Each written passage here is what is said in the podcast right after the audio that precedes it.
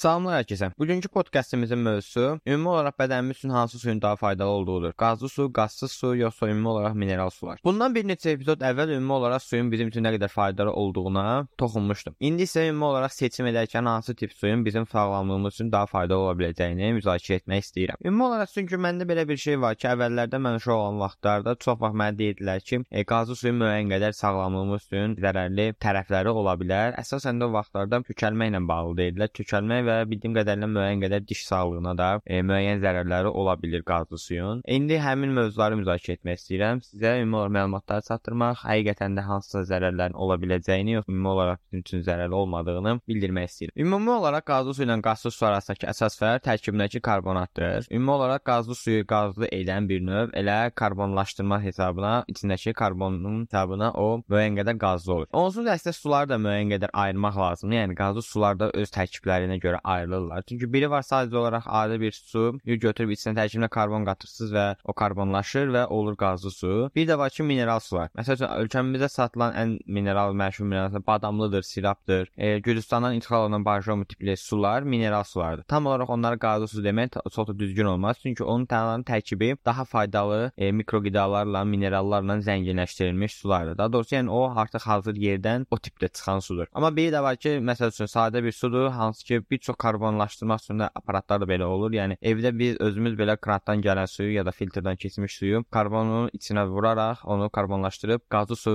edə bilərik. Belə olduğu halda adi su ilə qazlı su arasında tərkib olaraq sadəcə tərkibindəki bir növ qaz olur. Ona görə də əslində əlavə hər hansı bir sağlamlıq faydası bizə tam olaraq da vermir. Bəs qazlı su ilə qazsız su arasında seçim edərkən nə əsaslanmaq olar? Belə deyim, qazlı su müəyyən qədər qazsız suya nəzərən daha yaxşı seçim ola bilər bəzən. Çünki gün ərzində onsuz da hər zaman qazsız su, adi su içiriksə, biraz bu sıxılır adam e, və qazlı su müəyyən qədər e, daha belə dadında çox bir fərq olmasa, dadında fərq varmış kimi bir hiss yaradır məncə əsasən. E, bundan başqa qazlı su e, adi şəkərli suların da yaxşı bir alternativ ola bilər sağlamlığımız üçün. Yəni bildiyimiz mütləq və mütləq şəkərli suları öz həyat rasionumuzdan, qidalama rasionumuzdan mütləq çıxartmalıyıq. Çünki həm əlavə şəkərdir və heç bir sağlamlıq faydası yoxdur. E, içməli bir şeylər seçərkən ya e, şəkərsiz içkilərə yönəlmək lazımdır, ya da ki sadə su, çay və kofe içmək lazımdır. Hal belə olduğu halda adi sodalar, yəni adi qazlı sular müəyyən qədər adi su içməkdən biraz daha yaxşı olur. Ən azından yeməklərlə və s. içinə müəyyən qədər bəzən məsəl üçün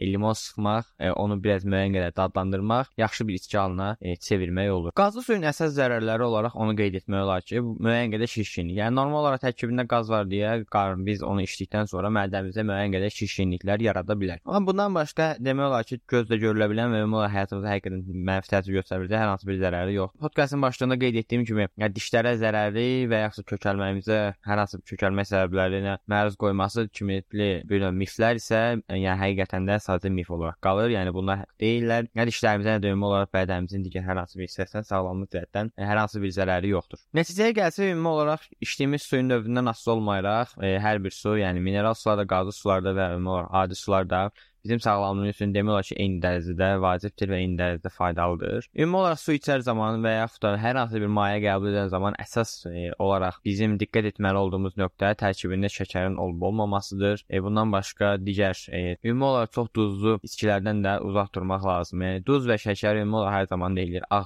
maddələr, yəni un, duz, şəkər tipli şeylər bizim sağlamlığımız üçün hər zaman zərərlidir. Bundan başqa ümumi olaraq e, mineral sularla qazlı suların arasındakı fərqə də əsasən e, diqqət yetirmək lazımdır.